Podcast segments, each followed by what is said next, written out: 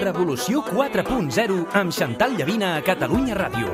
Dissabtes i diumenges de 10 a 11 de la nit.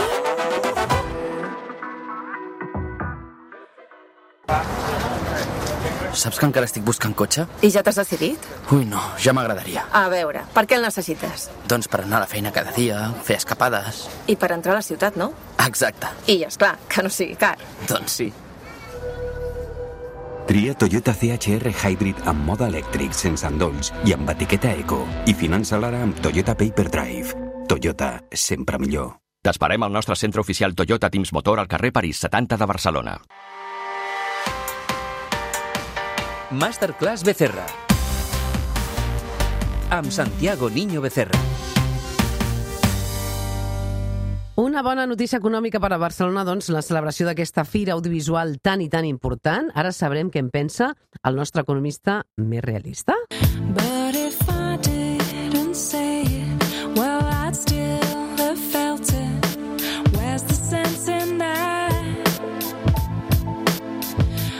Catedràtic Santiago Niño Becerra, bona nit, què tal, com estàs? Què tal, Chantal? Bona nit, bona nit. Molt contenta de saludar-te. Ara en parlàvem amb el seu director, Mike Blackman. Dimarts comença a ICE, la fira de l'audiovisual més important del món, que tindrà un impacte econòmic molt important a Barcelona i també a Catalunya. Veus com no tot són males notícies, Santiago? No tot està perdut. Eh, a veure, mm, Chantal, mm, congressos d'aquest tipus mm, sempre són positius. No, però no només, és a dir, el que, el que més es veu és el negoci que genera. Hotels, restaurants, etc etc compres, però que això és important. Però el més important, jo crec, eh, més, més que això, és el que hi ha darrere.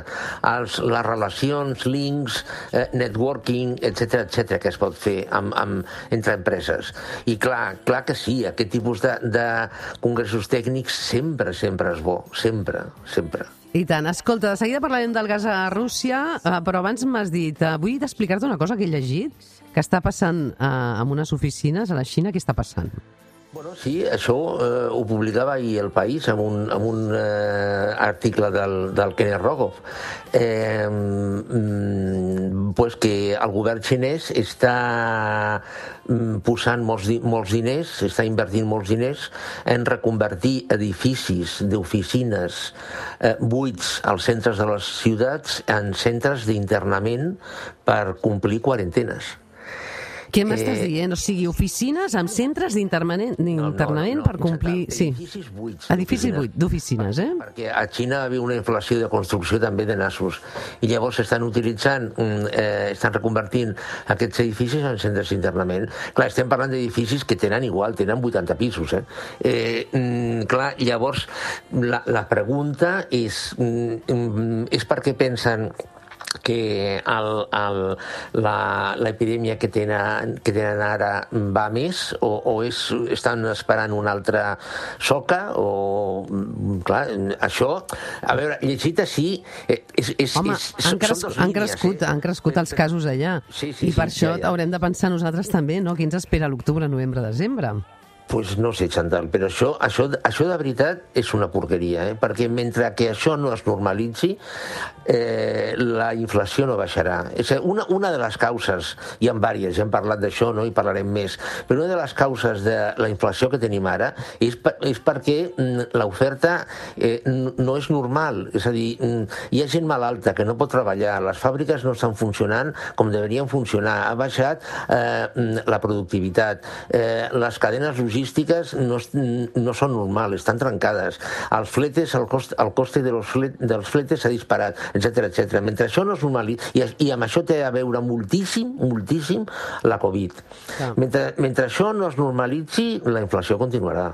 Sí, sí, en parlarem, eh? que ja la tenim gairebé en dues xifres, 9,8, 9,8, en parlem de seguida. Abans el gas de Rússia, fa uns dies Rússia va tallar el gas a Bulgària i a Polònia, una decisió que complica encara més la, la situació arran de la guerra d'Ucraïna, no? D'entrada, què, què diries que significa aquesta mesura, tallar el gas de Bulgària i de Polònia? Bueno, mm, a veure, eh, jo, jo crec que bàsicament això és un avís. Eh, mm, una, un avís a altres països. És que, clar, ara, ara hem entrat en en, el, en el món dels rumors.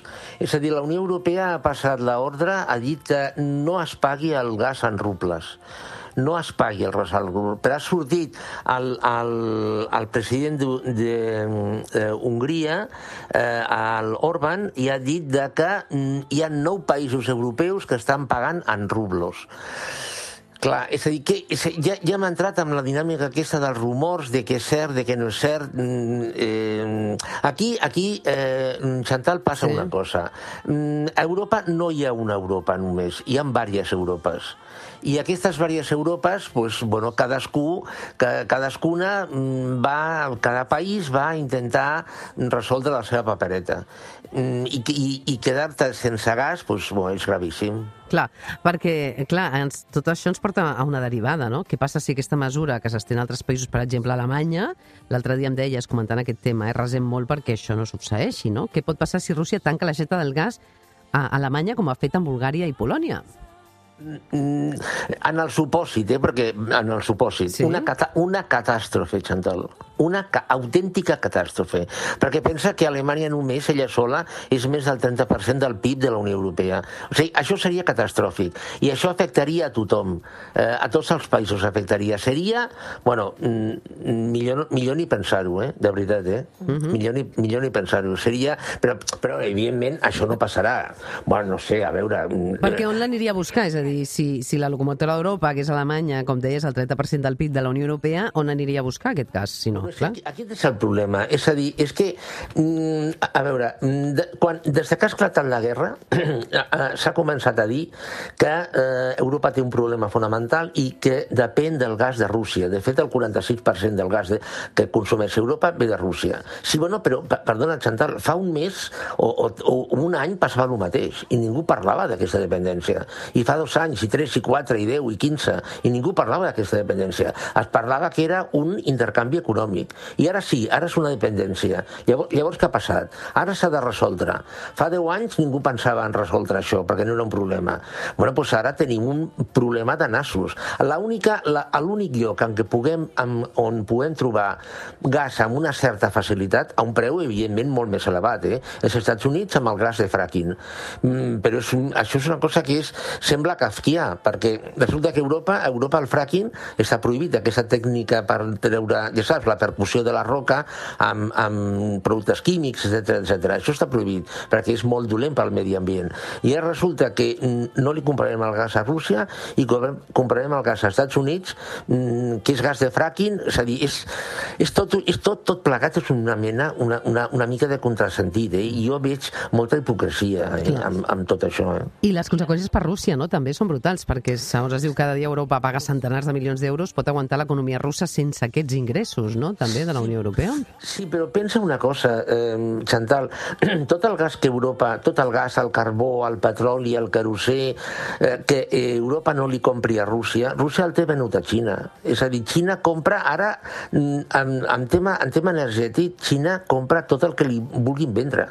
Perquè, perquè Xina en, internament, ell té un problema i és que té un nivell de contaminació brutal perquè treballa moltíssim amb, amb carbó eh, i Xina vol, realment ara vol eh, substituir el carbó per altres mm, eh, mitjans, altres energies menys contaminants, com el gas. El gas contamina, evidentment, però molt menys que el carbó. Llavors, el, eh, mm, el gas que no li compra eh, Europa a Rússia, Rússia el té venut a Xina. És, és que és així de fàcil. Uh -huh. eh, i, i, per, i, I Europa substituir aquest 46% per, cent de gas, això, això, això serà la monda, eh? La monda. Inclús el petroli, eh? eh, serà la monda, eh? És a dir, jo, mm, és a dir, és, és, és a dir, jo espero realment que els preus mm, del, tant del gas com del petroli pujaran, eh? Pujaran. Y en cuanto a la inflación, no se prevé una inflación de dos cifras como media del año. Es decir, que ahora estamos en un momento de aceleración debido al alza de los precios de los carburantes, eh, de, de la, de la energía en general en los mercados internacionales, pero dependiendo de lo que suceda en este Consejo Europeo. Això deia eh, la ministra Nadia Calviño fa unes setmanes, no se prevé una inflació de dos xifres, doncs ens hem quedat al 9,8, a quasi dues xifres, tot i que fa uns dies va tornar a reiterar que el punt més alt ja havia passat. Com ho veus? No és cert que la inflació ha baixat una mica, a darrer mes del 9,8 al 8,1, eh, són bones dades, és un miratge, estàs d'acord amb la ministra que el pitjor ja ha passat? No, Chantal, però la xifra, la xifra important no s'està dient. És a dir, Quina a és la xifra important que no s'està dient? La, la inflació subjacent. Eh, és a dir, eh, la, és cert que la inflació ha, ha, ha baixat del 9,8 al 8,4, això és cert. Però la inflació subjacent, és a dir, la inflació sense mm, combustibles i sense aliments frescs, frescos, és a dir, un, un, un, un pot de marmelada de, de pressa mm, està inclosa, però un, una, el preu de l'enciam no, és a dir, torno a dir, eh, eh, inflació sense combustibles eh, i eh, alimentos fresc, frescos ha pujat un punt, un punt ha pujat. Això és gravíssim, perquè això significa... Això ho ha notat tothom quan ha anat al supermercat. Ha notat que els preus han pujat. Sí, exacte, exacte. Eh, Això significa que els costos industrials han pujat. De fet, els preus industrials eh, han, eh, han, han tingut una pujada espectacular Sí. eh, i estan a nivell més alt en els, en els darrers, si no recordo malament, 35 anys aquí a Espanya. És a dir, això és el greu. Que la, la, inflació, la inflació subjacent, traient l'energia i els aliments frescos estan, estan pujant. Clar, això té un impacte mm, terrible en el poder adquisitiu de salaris, rentes, eh, inclús de beneficis de beneficis d'empreses. Clar. I, per tant, aquesta baixada del preu de l'electricitat que augmentes és la clau de la baixada, però continuen aquests eh, productes amb un preu elevat, no? I, per tant, aquest problema d'inflació eh, és molt per als milions de persones que, que ho passen mm, malament, no? Al final els és igual a ells si la inflació està al 8,4, al 9,8, el que noten és que els preus han pujat. Sí, és, és el que comentaven un dia. és a dir, la inflació, la inflació té dos, dues, dues vessants. Una, una és evident, és a dir, tu, tu arribes, una persona arriba a una botiga eh, i pot comprar menys coses, eh, perquè, bueno, pues, evidentment, mm, pues, mm, eh, els preus han pujat. Però altra és psicològica eh, i, i la, la pateix cada persona en funció de la seva renta. Té menys diners en termes reals a la butxaca.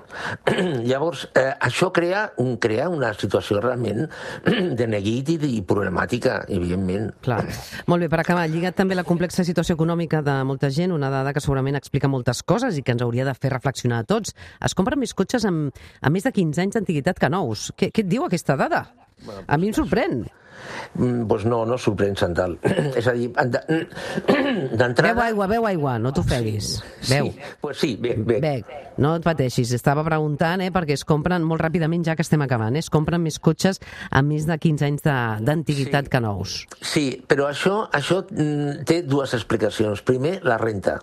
Eh, la renta és la que és, Chantal. Mm, La renta és la que és i no tothom pot aconseguir un crèdit o no tothom té els diners. Però és que, per altra banda, tu saps que s'estan donant plaços, terminis d'entrega, plaços d'entrega de 9 mesos fins a un any. Clar.